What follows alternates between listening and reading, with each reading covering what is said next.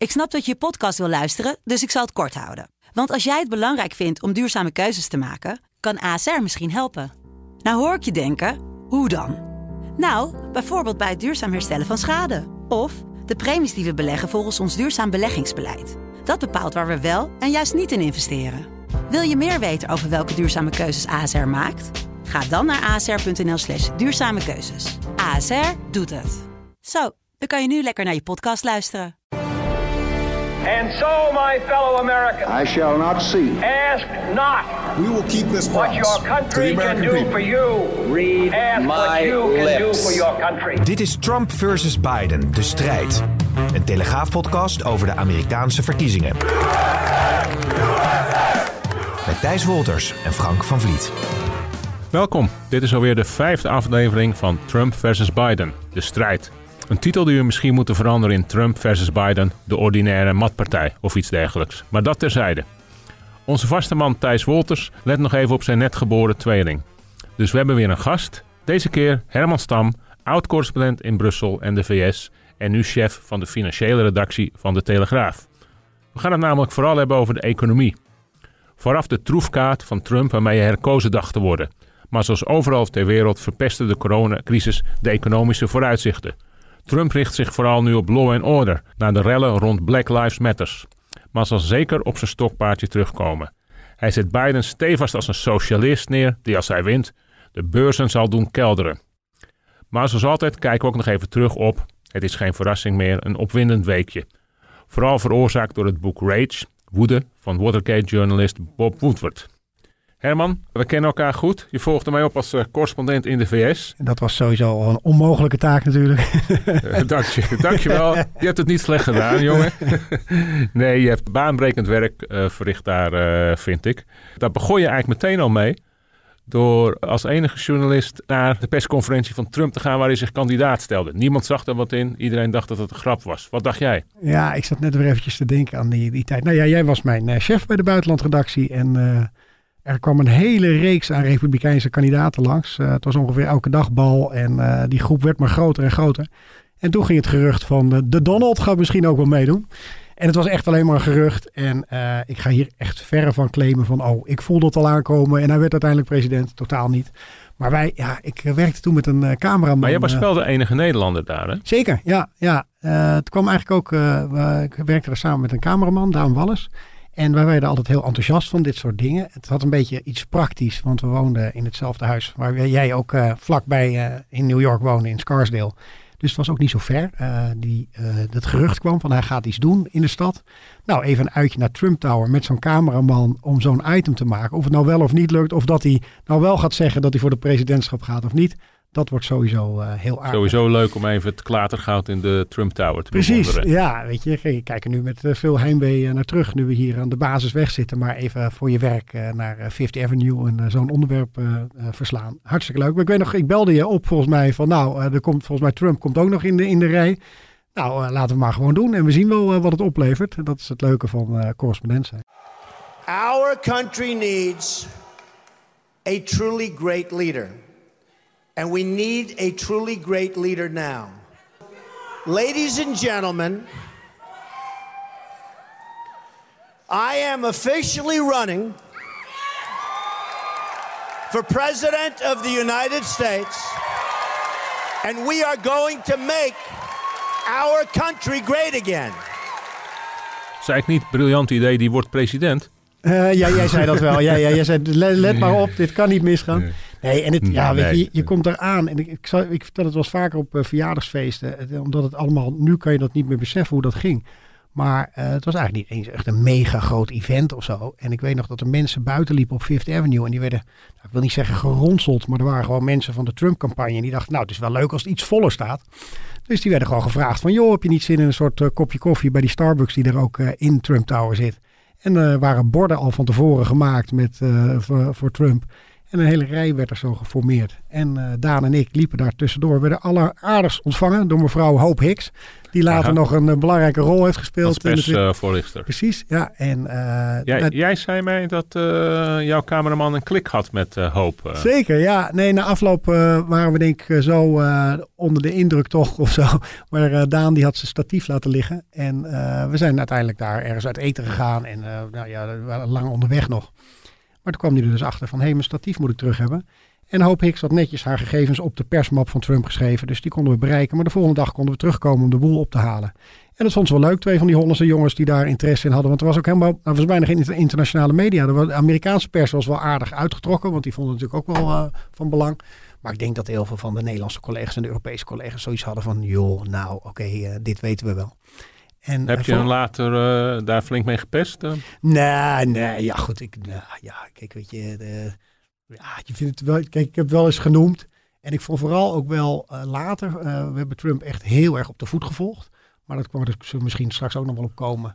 Eh, ik vond het gewoon een fenomeen. Weet je, ik weet echt wel, en zeker nu weer terug in Nederland bent, dat heel veel mensen een hele stevige mening ook over Trump hebben. Absoluut. Maar je kon er niet onderuit, vond ik, als je vooral in Trump-land, om het zo maar te zeggen, die gebieden veel reist. En ik, gelukkig was de Telegraaf daar heel royaal in van ga op pad. Nou ja, jij dus ook als chef, eh, even een compliment nog eh, met de terugwerkende kracht. Kan niet op, Ga- Herman. Pas ga, op, ga vooral opvallen. kijken in, in gebieden waar die dan zo populair is en waarom is dat. En mijn verwijt, of verwijt, maar ik vind wel, en het is niet hier om een soort eh, journalistieke podcast te maken, maar ik vond toen wel dat heel veel mensen vooral aan het verslaan waren vanuit de New York Times en vanuit New York en wat ze daar hoorden. En je kon gewoon iets voelen als je bij die bijeenkomsten was van jeetje mine zeg, wat zit er diep, de woede van mensen, de onvrede over Washington. En eh, nou, daar- daarom zijn we heel veel naar dat soort bijeenkomsten gegaan. Omdat je ook een heel ander Amerika leert kennen dan in je, in je bubbel in New York. Ja, ik denk dat, dat heel veel mensen eh, menen dat Amerika een soort van eenheid is, een één land. En het is natuurlijk echt een lappendeken en, en het enorme verschillen met, met schrijnende armoede ook. En, Mhm. en, en, en dingen die je ziet waar je denkt, ik zit in een derde wereldland. Dat, dat weten heel veel mensen niet. En ook die, die, steden waar dan arbeiders al jaren werkeloos zijn en zo. En die dichtgetimmerde huizen na de, de financiële crisis. Zeker. Dat vond ik toen inderdaad, als je rondleest, eh, schokkend. Dus Ja. Het broeide toen kennelijk al. Of, dus vaak is het is het gevolg van een vrij, vrij langere beweging, de opkomst van Trump. Dat is gewoon een, een, een sluimerende onvrede. Ben je daarmee Ja. eens? Of, eh, Nou ja, ik denk dat Trump wel een man was die dat, eh, of da- da- daar een geluid aan gaf. Dat mensen zich eindelijk gehoord voelden. Want eh, als je dan interviews had bij die van die rallies. Dan had- zeiden heel veel mensen wel van ja goed, ik snap wel dat hij een miljonair is. En hij heeft een heel ander leven dan ik in zijn gouden toren. Maar hij voelt wel mijn onvrede en hij voelt mijn pijn. En hij is de enige die daar beloftes over doet, maar zich er ook aan gaat houden. En eh, ik denk dat daardoor het een soort vliegwiel kreeg van... hey, eindelijk neemt iemand ons serieus. En, Trump die wist er natuurlijk ook wel heel goed gebruik van te maken... om zich steeds meer af te zetten tegen Washington. Hij voelde, hij dat als geen ander aan. En eh, ja, ik weet nog, weet je, om er terug te komen op die bijeenkomst... hij hield daar een speech. En eh, nou, het was volgens mij niet eens zo heel lang... Maar daar zijn die allerlei punten al die later allemaal terugkwamen in zijn campagne. En ook eh, de, de dingen die hij ging uitvoeren die- toen hij eenmaal president was. Maar wat de dingen als de muur. muur over Mexicanen, over de NAVO, eh, over eh, de- dat e- elke lidstaat gewoon zijn, zijn fair share moet betalen, eigenlijk, om het zo maar te zeggen. En waarbij iedereen zoiets had van, pff, nou, dat gaat allemaal wel ver. En sommige dingen gaan misschien nog steeds wel ver, maar sommige dingen had hij ook gewoon wel een punt. Alleen het was een beetje een soort eye-opener van, hij knalde dat zo in één keer allemaal eruit op dat podium. We kregen nog een hand van hem toen hij eh, aankwam, want zoveel journalisten waren niet. Een soort van eh, persoonlijk van, eh, we- wees welkom allemaal. En dat knalde hij zo uit. Maar ja, ik had niet het idee. Daarna kwam hij natuurlijk in die debatten vrij fors naar voren en werd steeds populairder. Maar dat het deze route uiteindelijk zou krijgen, dat, dat had, hadden denk ik heel weinig mensen verwacht. Had hij dat zelf, dacht je? Want er is ook wel eens gezegd dat hij het eigenlijk niet serieus nam vanaf het begin af aan. Dat hij dacht van nou, ik kan de aandacht op mij trekken en op mijn tv-shows of dat soort dingen. Mhm. Toen jij er daar stond, had je dan meteen van nou, deze man meent het echt? Ja, nou, ik denk dat hem, eh, weet je, het komt niet onhandig uit als het ook eh, die, eh, die commerciële belangen meebrengt. Maar ik denk dat hij wel heel erg gelooft in zichzelf als kandidaat. Ja, dat, volgens mij kan je het anders ook niet volhouden dit. Dit kan je niet alleen voor de show doen. Dan moet je zo aan de bak en alleen al qua uren die je moet Het is maken. en slopende rond- race. Ja. Ja, dat- en voor een man op leeftijd. Daar is het, het, het bizarre is natuurlijk dat, dat zei je zelf al net, dat hij, hij is miljardair.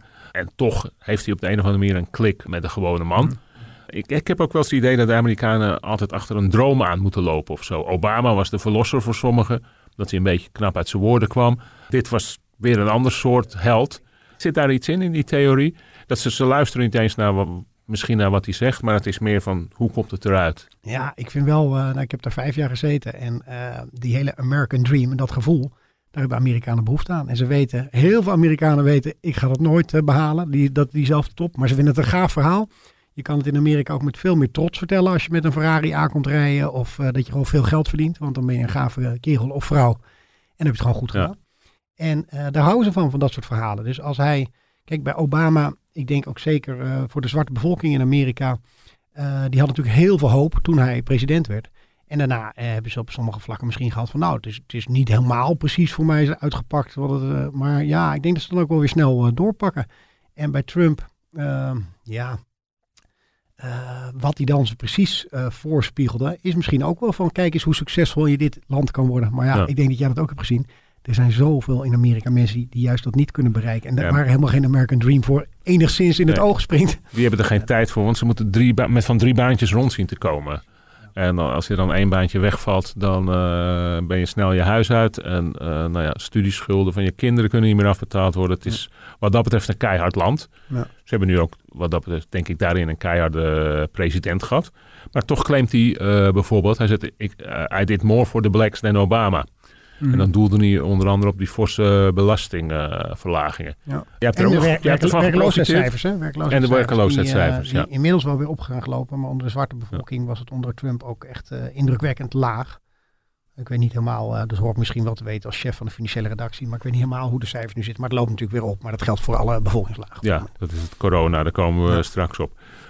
Maar heeft hij, heeft hij enig recht van spreken met die claim van I did a lot for the blacks? Nou, ik denk dat hij, uh, kijk, laat ik het even gewoon uh, in mijn expertise houden om het zo te zeggen. Uh, hij heeft voor de economie gewoon behoorlijk veel betekend. En dat geldt dan, daar gaat iedereen, profiteert daarmee van mee. wat je zei over de belastingverlagingen. Ik heb inderdaad ook dat ik op een gegeven moment aangifte terugkreeg en dat ik dacht van nou, weet je, mm, niet eens zo slecht. En ik denk dat heel veel mensen denken van nou, of heel veel, sommige anti-Trump mensen, want je moet het allemaal heel voorzichtig zeggen in Nederland, anders trap je op allerlei uh, tenen.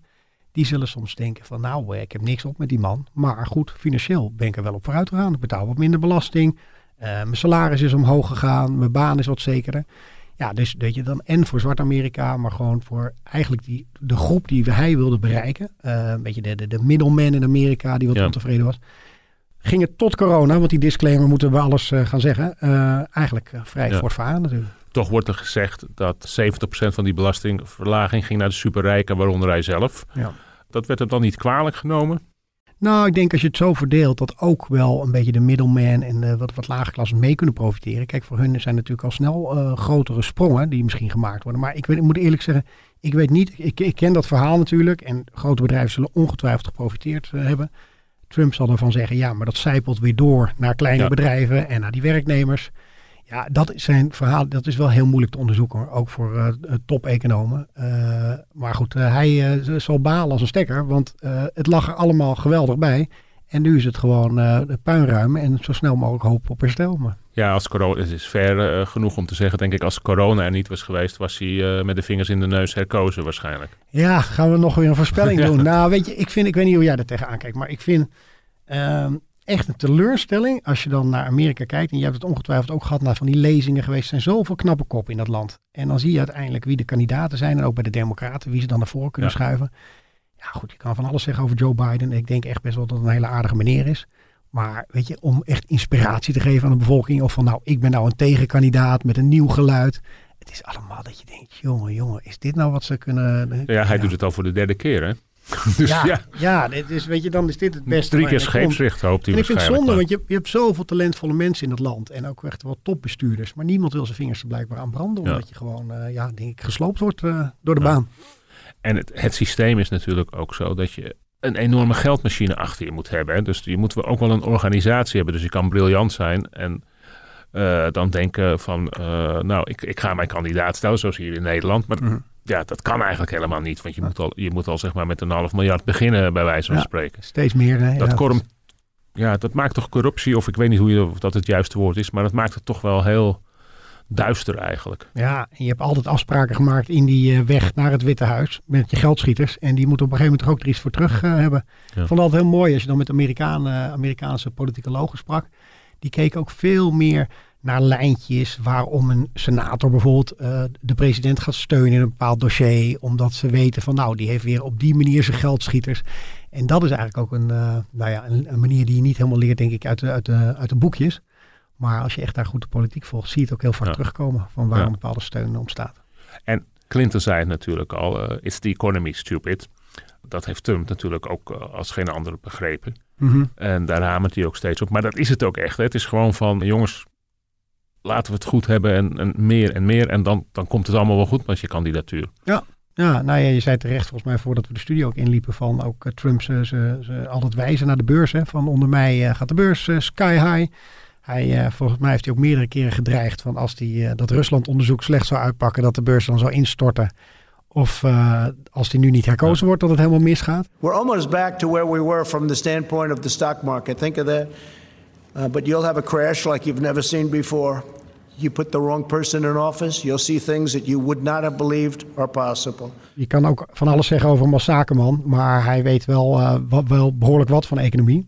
En ik denk dat hij ochtends ook eh, eh, behoorlijk geïnteresseerd is in koersen en wat, er, wat voor een invloed dat precies heeft. Nou, zijn Twitter-gedrag heeft daar invloed op.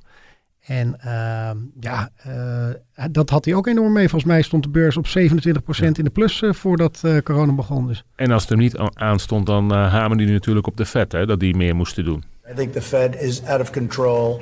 I think what they're doing is wrong. I think that they're following, not leading. We should be leading. Despite that, we're doing very well.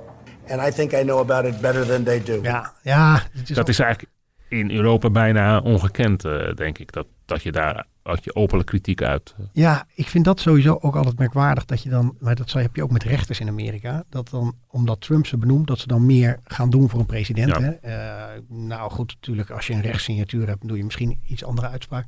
Maar ook bij zo'n vet president. Trump wil eigenlijk gewoon rechtstreeks invloed erop. En die, die heeft dan kritiek van in Europa. Zetten ze veel meer de geldkraan open. Nou, inmiddels is dat eh, vrij goed eh, gelijk eh, ge- geschaald volgens mij. Ja. Maar ja, hij wil op alles invloed hebben. En hij vindt gewoon dat eigenlijk de Fed-president tot voor corona te weinig voor hem deed. En dat je daarin kon zien dat hij een beetje begon, nou niet achterlopen, maar soms de concurrentiestrijd Ja. met Europa bijvoorbeeld. Eh, Hij is nu wat eh, warmer over hem, hè, las ik eh, net. Omdat hij naar de nulgrens uh, toe ja, gaat. ja, maar ja, goed. Voor zolang het duurt, denk jij. Ik geloof dat eh Powell zijn termijn afloopt in eh 2022. Als Trump herkozen wordt, is volgens mij wel het algemene idee dat er toch weer eh, gezocht moet worden naar een nieuwe Ja, ja. vet-president. Dus, Mhm. Maar goed, er zijn, eh, kijk, in Nederland is ook altijd iedereen heel erg zo van, oh, die wisseling in zijn kabinet en noem maar op. Ja, het is ook wel iets gebruikelijk in Amerika. Onder Trump is het wel veel. Maar goed, eh, om af en toe een beetje te verversen is ook niet zo slecht. Hoor. Trump werd natuurlijk gekozen met eh, Make America Great Again. Was dat nou eigenlijk wel nodig? Want ja, zo slecht ging het natuurlijk niet. Obama erfde eh, wel de financiële, of maakte de financiële crisis mee. Maar op de tweede termijn ging het toch eigenlijk ook eh, prima met Amerika. Ja. Is dat, was dat een politieke slogan? Of zeg je van nou, Nou, ja. economisch gezien heeft hij toch nog een flink duwtje gegeven, Trump? Ja, nou, ja, nou, het is een lekkere slogan en die goed blijft hangen. Die volgens mij al door meerdere politici is gebruikt in Amerika. Mhm. Maar ik vond vooral, en ook eh, bij zijn inauguratiespeech, het is vooral American First Again. En dat is natuurlijk wel iets waar die eh, de ziel raakt van de Amerikaan. Die inderdaad, of die zag bij andere presidenten, eh, dat er te makkelijk misschien handeldeal werden gemaakt met China of met Europa. En waar ze zelf slachtoffer van waren. En eh, nou, wat, je kan één ding van Trump zeggen. Hij heeft gezegd van ja, dat gaan we even opnieuw onderhandelen. Trump-stijl. Dus eerst gewoon hak in het zand. En dan maar Ja. kijken wat voor deal eruit komt. Hoog echt- inzetten en dan kom je wel ja. ergens op uit. Altijd hoger dan... Ja. Allemaal terug te lezen in eh, The Art of the Deal. Ja. Eh, wat echt heel geestig is en een aanrader om nu weer eens terug te lezen. Want je ziet gewoon veel passages dat je denkt, ja, zo onderhandelt deze man. En eh, ja, daar kan je dus ook allemaal van alles van vinden. Maar dat is een, een, een, een aanpak van een zakenman. En die gewoon denkt, ik laat niet met me sollen. En eh, nou, dan haal ik er vast een betere deal uit. Nou, dat bevalt Amerikanen Ja. denk ik wel goed hoor. Maar wie komt nou uit, eh, als winnaar uit die, al die, al, al die handelsoorlogen of die, die, die oor- semi-handelsoorlogen? Ik bedoel, China lijkt er toch ook weinig last van te hebben? Of is dat, is dat houden die de schijn op? Zijn natuurlijk wat, wat minder eh, doorzichtig, zeg maar. Of wat minder... eh, Ja, kijk, ze weten denk ik allebei dat het niet helemaal uit de hand moet lopen. Dus het, het is gewoon een onderhandelingsspel. Mhm. En dat zag je ook met, eh, met Trump en de NAFTA, met het Noord-Amerikaanse Ja. verdrag.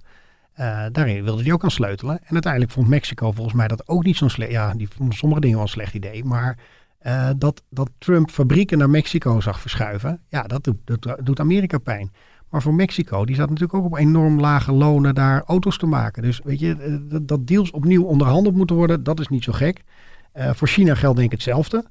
Ja, ik denk soms wel eens, maar goed, dat is echt een beetje misschien weet je, van, ze houden elkaar een beetje in stand. Dan kan die een tik geven en dan mhm. die. En dan heb je allemaal voor je binnenlandse politiek een goed statement gemaakt. Ik geloof ook zeker dat nu richting de verkiezingen dat hij het nog even lekker blijft aanwakkeren. Want dat scoort natuurlijk ook wel aardig. Maar goed, dat hij daarna uiteindelijk ook nog wel met een aardige deal... Nou, jij vertelde me, je was volgens mij ook bij de Harley Davidson fabrieken geweest. Ja. Uh, die waren toch niet zo heel blij met Trump. En als het toch iets symbolisch voor Amerika is het uh, naast de hamburger waarschijnlijk en Coca-Cola de Harley Davidson. Ja, nee, dit was uh, de, de, een van de fabrieken in Pennsylvania. Dus ook echt een swing state die belangrijk wordt voor Trump. En dan liepen ze ook nog wel met Trump-petjes en de Make America Great Again rode petjes natuurlijk. Maar nou, vooral die, die, die mensen daar, die hadden, maar het was vooral meer uit van het management bij Harley Davidson. Die gewoon ook zien door uh, staalimportheffingen, dat ze minder makkelijk aan hun materiaal kunnen komen. En dan krijgen ze ondertussen natuurlijk een conflict. En dan wil Harley Davidson weer uh, spul naar Europa brengen. Nou, daar komt ook weer een heffing op. Het is gewoon slecht voor de business. Ik geloof dat Harley Davidson heeft gezegd uh, dat het wel 100 miljoen kost of zo, dit soort zaken. En dan juist voor een symbool, ja. je, de, de, de, nou ja, meer Amerikaans kan je bijna niet hebben. Uh, ja, en allemaal uh, in swing states. Hè, want het hoofdkantoor van ze zit geloof ik in Wisconsin. Uh, veel fabriek in Pennsylvania. Ja, dat is precies denk ik van dat Trump zei: ik ga voor deze mensen het opnemen en voor hun wordt het beter. Ik hou kolenmijnen open. Ja, weet je, we moeten we nu een opvolger Jan Posma en ik raad hem ook zeker aan om weer nu naar dat gebied te gaan, want dat is eigenlijk wel het verhaal van wat heeft het daar betekend en wat wat hoor je daar nu?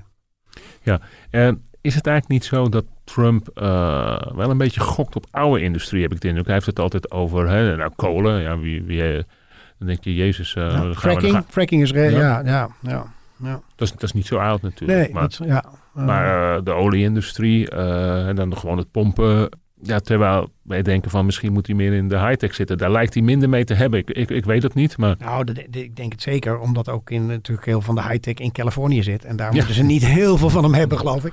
Geloof ik, weet ik zeker. Nee, maar dat is ook echt wel een keuze die Amerika kan maken. Hè. Uh, Biden geeft nu al aan in zijn campagne van ik wil heel veel gaan doen aan uh, meer de groene economie.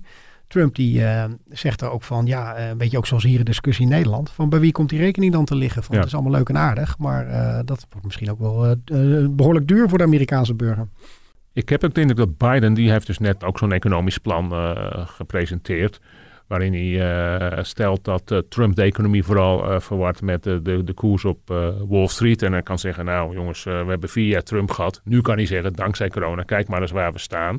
Mm -hmm. Heeft Biden enig krediet opgebouwd? Of heeft waarvan je zegt van nou, hij kan ook over de economie meepraten? Of heeft Trump daar zo status in als de miljardair die het dan gemaakt heeft? Een paar keer failliet geweest, maar dat maakt niet uit in Amerika. Nee, nee precies. Ja. Wat ik op ehm, zich wel leuk vind natuurlijk. Dat, uh, ja. Je kan daar gewoon falen en weer opnieuw beginnen. Hier in Nederland blijft dat altijd een beetje aan je hangen. Mm -hmm. Dus wat dat betreft zijn de Amerikanen positiever, denk ik. Zeker, ja. Nou, maar goed, dat is ook iets, uh, zo'n uh, soort sideline. Maar uh, wat, dingen die ik mis, denk bij jou geldt het ook. Van de positieve vibe in Amerika die je echt kan krijgen daar. En die mensen ook aan je geven. Dat is wat anders dan soms hier uh, de, de, de, de zagerij in, in, de ochtend. En dan weet ik wel dat heel veel Nederlanders zeggen, ja, zo'n nep van uh, hoe gaat het met je, dat soort vragen. Maar ze vragen in ieder geval, hoe gaat het met je? dat is altijd beter dan helemaal niks hebben. Ja. En wij zeggen tegenwoordig, fijne dag. Ja. Dat is heel grappig. Toen ik terugkwam uh, in, in Nederland, na twintig jaar in het buitenland te hebben gezeten, toen... Dat zeiden we vroeger nooit tegen mensen. Fijne dag. Mm -hmm. Dus we leren er misschien nog iets okay. van. Maar dat, dat terzijde. Ja. Nee, maar je zei of, of Biden ook de meetelt economisch gezien? Ja, ik weet eigenlijk niet. Als senator was, kijk, je wordt niet voor niks en ben niet voor niks uh, zo lang uh, senator. En hij was het vrij jong volgens mij. Uh, in zijn levensverhaal is natuurlijk indrukwekkend. Maar qua economische plannen, volgens mij is hij vooral sterk op buitenlands beleid. Waar mensen mm -hmm. van denken van, nou, daar heeft hij wel behoorlijk wat meegemaakt. Uh, economisch... Ja, op buitenlands beleid win je de verkiezingen niet, denk ik. Nee. En bovendien kan je nu echt wel zeggen van Trump op buitenlands beleid heeft hij natuurlijk ook wel uh, wat uh, bereikt. Als je nu weer de, de, de, vredesakkoorden ziet in het Midden-Oosten. En weet je, dat kwam misschien wat la, laat op gang. Maar hij pakt wel net voor zijn verkiezingen, pakt hij toch nog wel wat puntjes eh, op dat vlak. After decades of division and conflict, we mark the dawn of a new Middle East. These agreements prove that the nations of the region are breaking free from the failed approaches of the past. Today's signing sets history on a new course. Dat is ook niet toevallig net voor zijn Nee, verkiezingen. nee, helemaal nee. Ik denk dat ze wel netjes, eh, netjes hebben gewacht Dat eh, heeft hij tot met dit zijn moment. vriend eh, Bibi afgesproken. Ja, zeker. En ik weet wel de Dus, connectie eh, van zijn schoonzoon met Bibi. En dat is natuurlijk allemaal wel zo gepland. Ja. Maar goed, weet je, ik zal er niet te negatief over doen. Nee, dat vind ik ook een, niet. eh, Het was een uniek eh, or- onorthodoxe aanpak. mhm. Van, eh, in mijn, ik ben, ben Midden-Oosten correspondent geweest, zoals je weet. Van, eh, nou ja, gooi de Palestijnen onder de bus. Profiteer van eh, de angst voor Iran. Ja. En dan komen die, eh, de Arabieren wel over de, over de brug. En dat, dat is... Ja, we hebben nu twee kleine, piepkleine staatjes die, die eigenlijk niet meetellen. Zijn wel rijk, maar, dat is natuurlijk, maar je merkt dat Saoedi-Arabië aan het veranderen is. Dus ja, het, het is zeker een, eh, een goede gok van hem geweest. Ja. Dus, dus daar moet je hem gewoon credit voor geven. Maar ik vraag ook af, wat denk jij? Want jij weet veel meer van het Midden-Oosten dan ik. Maar ik geloof ook niet zo heel erg dat het een gok is bij hem. Weet je, ik geloof echt wel, weet je, heel vaak wordt hij wel in Nederland afgeschilderd van, oh, dan komt zomaar iets in hem op. Ik, ik denk zelfs ook wel dat het strategisch is om het nu dan zo te plannen, maar dat er ook wel wat, wat, wat meer lange termijn aan zit Ehm, dan je denkt. Nou ja, ik denk dat hij vooral helemaal niks had met de Palestijnen. Hm. Dat vond hij, en eh, deels terecht, alleen maar eh, dwarsliggers. Terwijl het, wij in Europa eigenlijk altijd wat meer sympathie hebben voor de underdog. Voor Palestijnen wordt er ook onrecht aangedaan. En eh, dat dat bij hem helemaal niet meetelde. Mhm. En, dat, en, en plus het feit dat hij natuurlijk graag eh, de Joodse stem wilde hebben in Amerika. Ja. Dus hij De meteen Joodse vol- geldschieters. Ja, meteen vol gas daarvoor eh, gegaan. Ja. Dus ja, en dat, dat heeft goed uitgepakt. Ja. Ah, goed, ik, vraag me, ik ben met je eens. Ik vraag me af of tijdens die verkiezingen dit soort akkoorden een hele grote rol gaan spelen. Dat, het is volgens mij meer Denk ook een niet. verkiezing aan het worden van... Ja, eh, wil je Trump vier jaar eh, lang nog, eh, weet je, de, de, nou ja, wat je in je intro ook zei, de law and order kandidaat. En, ja, er spelen nu zoveel meer elementen dan alleen maar de economie, waarin vaak verkiezingen op economie werden beslist. En dan denk ik niet eens dat mensen hem heel erg aanrekenen van, oh, met, door de coronacrisis heb ik nu, weet je, gaat de economie veel minder goed. Maar wel van wie gaat de, wie gaat de komende jaren dit nu goed aanpakken. En ik denk ook de onderlinge verdeeldheid is, is stoort toch heel veel Amerikanen. Maar het is bizar wat je ziet. Kijk, ja, goed, ik vond het toen al toen ik in het land leefde van waar, wat, wat zijn die eh, verhoudingen enorm scherp. Maar nu zie je het zelfs met bosbranden en met alles is eigenlijk politiek. If we ignore that science and sort of put our head in the sand and think it's all about vegetation management, we're not going to succeed together protecting Californians. Okay. It'll start getting cooler. I You wish just you just watch. I wish science agreed with you. Hey, well, I don't think science knows actually. If you give a climate arsonist four more years in the White House, why would anyone be surprised if we have more America ablaze? Ja, precies. Ja, ja. En dat, dat is natuurlijk eigenlijk angstig. Ja, nee, ja, daar, daar, goed, misschien komen we er straks nog op. Maar ik maak me wel zorgen over eh, uiteindelijk de verkiezingsuitslag en hoe het dan daarna verder gaat. Want eh, nou ja, niet alleen economisch. Kijk, op een beurs worden ze er heel onrustig van als er heel lang nog Ja. is over wie is nou uiteindelijk de president geworden. En, eh, Ja, het land, het land zou gezegend zijn met een hele duidelijke uitslag meteen. Maar verwacht jij het? Ik kan me niet Mm, voorstellen. Nee, nee. Ik, eh, ik, ik had de vorige verkiezingen verkeerd voorspeld. Dus ik waag me er niet meer aan. Nee, gewoon blijven doen. Ja. Ja. Wat denk jij van die peilingen tegenwoordig? Hebben die iets geleerd van dat ze de vorige keer zo na zitten? Ik heb de indruk van nog niet helemaal. Nee, ja goed. Ja, ja, ik denk dat we het sowieso iets eh, minder serieus moeten nemen. Ja, je weet ook, hè, als je Amerikaanse tv's nu aanzet, dan eh, is het de hele dag komen die peilingen maar door. Ik denk gewoon dat er een groot deel zit aan eh, enquêtes. Dat mensen gaan vragen op wie ga je stemmen. En dat nog een groot deel niet eerlijk zegt dat ze op Trump stemmen. Ja. En dan blijft peilingen volgens mij altijd moeilijk. Maar ik ben geen eh, Maurice de Hond. En ik heb er. daar, maar dat lijkt me een logisch gevolg. Ook om nog steeds uit te leggen waarom ze de vorige keer zo mis zaten. En eh, dat gaat nu ook nog steeds zo blijven. Mhm. Eventjes nog over van wie zou het herstel eh, het beste, het economisch herstel het beste kunnen, kunnen regelen. Eh, hoe staat Amerika er eigenlijk nu voor als je het ver- in verhouding met, met bijvoorbeeld Europa of Ja. Nou ja, goed, ze kunnen natuurlijk eh, putten uit enorm veel eh, miljarden. Dus, en die smijten wij hier in Europa er ook eh, tegenaan. En elke econoom is het volgens mij over eens dat het een goed idee is nu. Volgens mij is daar in Amerika ook niet heel veel discussie over. En ze Eh, hebben dat alles gedaan in Amerika natuurlijk onder Obama. Om de auto-industrie te redden en Ja, eh, nou. de financiële crisis op te lossen. Ja, dus de- we- we- dat zullen ze allebei wel doen. Daar, daar ben ik wel van overtuigd. Eh, ik denk eh, dat eh, Biden inderdaad waar we het over hadden, misschien wat meer op een groene economie, misschien het aangrijpen om ook wat herstructurering in die economie te doen. Van wat worden onze een beetje modernere verdienmodellen? Eh, Trump zal meer misschien een beschermer zijn van de huidige economie en dat eh, eh, meer eh, voor opstaan. Ehm, ja, weet je, eh, wat ik zei, het is vooral denk ik de onrust die het geeft. Mensen, toen, toen Trump gekozen werd, weet, nou, waren de commentaren niet mals. En iedereen dacht van nou, de hele wereld gaat ongeveer vergaan, ook economisch gezien. Dat is niet gebeurd. En eh, dus ik denk dat mensen wel vrij rustig zijn. Als hij nu herkozen wordt, zijn ze wat meer aan gewend. Dat daar op dat vlak niet zo heel veel verandert. Hij is Dus je, denk, je denkt je dat je het eh, voor de economische verhoudingen wereldwijd en zo, of, of de verhouding met Trump, dat het niet uitmaakt wie gekozen wordt? Nou, ik vind het gewoon heel moeilijk in te schatten hoe Biden zich eh, gaat gedragen. Ik geloof wel eh, dat hij iets mi- minder hard op die handelsverdragen of minder op de handelsoorlog gaat zitten. Meer op misschien een verbinding maken met de EU en met China. En eh, nou ja, goed, heel veel economen denken dat het dan beter uitpakt. Want dan heb je meer een, een globale handel en dat is goed voor de handel. Maar ja, goed, we zullen het zien. Ja, en zoals jij niet meedoet aan voorspellingen voor kandidaten, durf ik daar niet echt een uitspraak over te doen. Omdat ik het gewoon heel moeilijk inschatten vind. Maar ja, goed, ze moeten, kijk, eh, ze moeten allebei heel hard aan de bak. Want Amerika heeft natuurlijk wel wat weeffouten. Eh, een enorme eh, staatsschuld. Er zijn nog wel wat uitdagingen om het, om het mild te Ja. zeggen. Ik kan me herinneren toen ik aankwam in Amerika en een bankrekening wilde openen, kreeg ik in eerste instantie geen bankrekening, omdat ik geen, geen schuld had. Ah, ja? Geen credit op mijn creditcard. Zegt, nee, sorry, I don't have a credit deficit. Dat vonden ze zo raar, dat was verdacht. Oh, Kijk, de Amerikanen leven natuurlijk sommigen noodgedwongen, maar, maar veel meer op de pof. Hè. Die, die creditcard wordt maar getrokken en dan gaan ze door. daarom kreeg ik hem natuurlijk meteen wel. Omdat ik, nee, omdat ik die schulden... weet ik niet. Ja, nee, maar het banksysteem sowieso. Nou goed, die schulden, dat is natuurlijk echt eh, zorgwekkend. Ik vind het zorgwekkend als je ziet hoe, wat voor schulden ze opbouwen om te studeren in Amerika. Wat, waar, Ja. waar mensen zich echt eh, zo diep voor in de Nee, schulden dat loopt echt enorm op. Hè? Gigantisch. En als daar dus mensen op een gegeven moment niet meer kunnen betalen voor de studie van hun kinderen. Wat dat dan doet voor het opleidingsniveau. Ja, het heeft echt heel veel eh, over bankzaken gesproken. De, de- je kent ze ook nog wel die checks die je daar elke dag staat uit te schrijven. En wat ze allemaal doodnormaal vinden. Maar, eh, en zo makkelijk die creditcards verschaffen voor nou elke winkel kreeg een aparte creditcard geloof Ja. ik met aparte punten.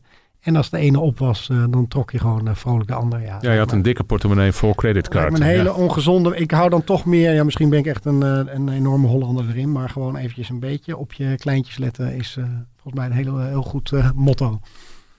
Maar dat gaan ze niet zo gauw doen in Amerika. Nee, het zit zo ingebakken om het zo te doen. Ja. Ik wil nog even naar de week terug. Dat Ja. doen we eh, traditioneel een beetje. Daar weet ik tegenwoordig Tenzij minder, jij- minder van hoor. Van Ja, dat ja. soort, want ik, ga dat- ik moet eerlijk zeggen, ik ben zo eh, met de financiële Ja. wereld bezig. En, eh, maar ik volg het natuurlijk wel op de voet. Maar Mhm. dit is jouw pakje aan. denk. Nee, maar goed. Maar goed, dus hebben we weer een week gehad met... de, dat is misschien economisch toch wel aardig. Bob Woodward, de man die Watergate onthulde. Ja, die kwam weer met allerlei onthullingen over Trump. Eh, gek genoeg had hij acht, dat Trump hem 18 interviews toegestaan. Mhm. Waarvan ik denk dat is vragen om moeilijkheden Ja. natuurlijk. Ja. Zegt wel iets over het zelfvertrouwen van Trump. Die denkt, ik kan zo iemand wel aan. En dan achteraf blijkt dat er weer van alles naar buiten komt. Dat hij de coronavirus een griepje had genoemd, wisten we. Maar dat hij toen al wist dat het veel erger was, wisten we niet. Eh, dat hij de Saoedische kroonprins de hand boven het hoofd heeft gehouden na de moord op de journalist.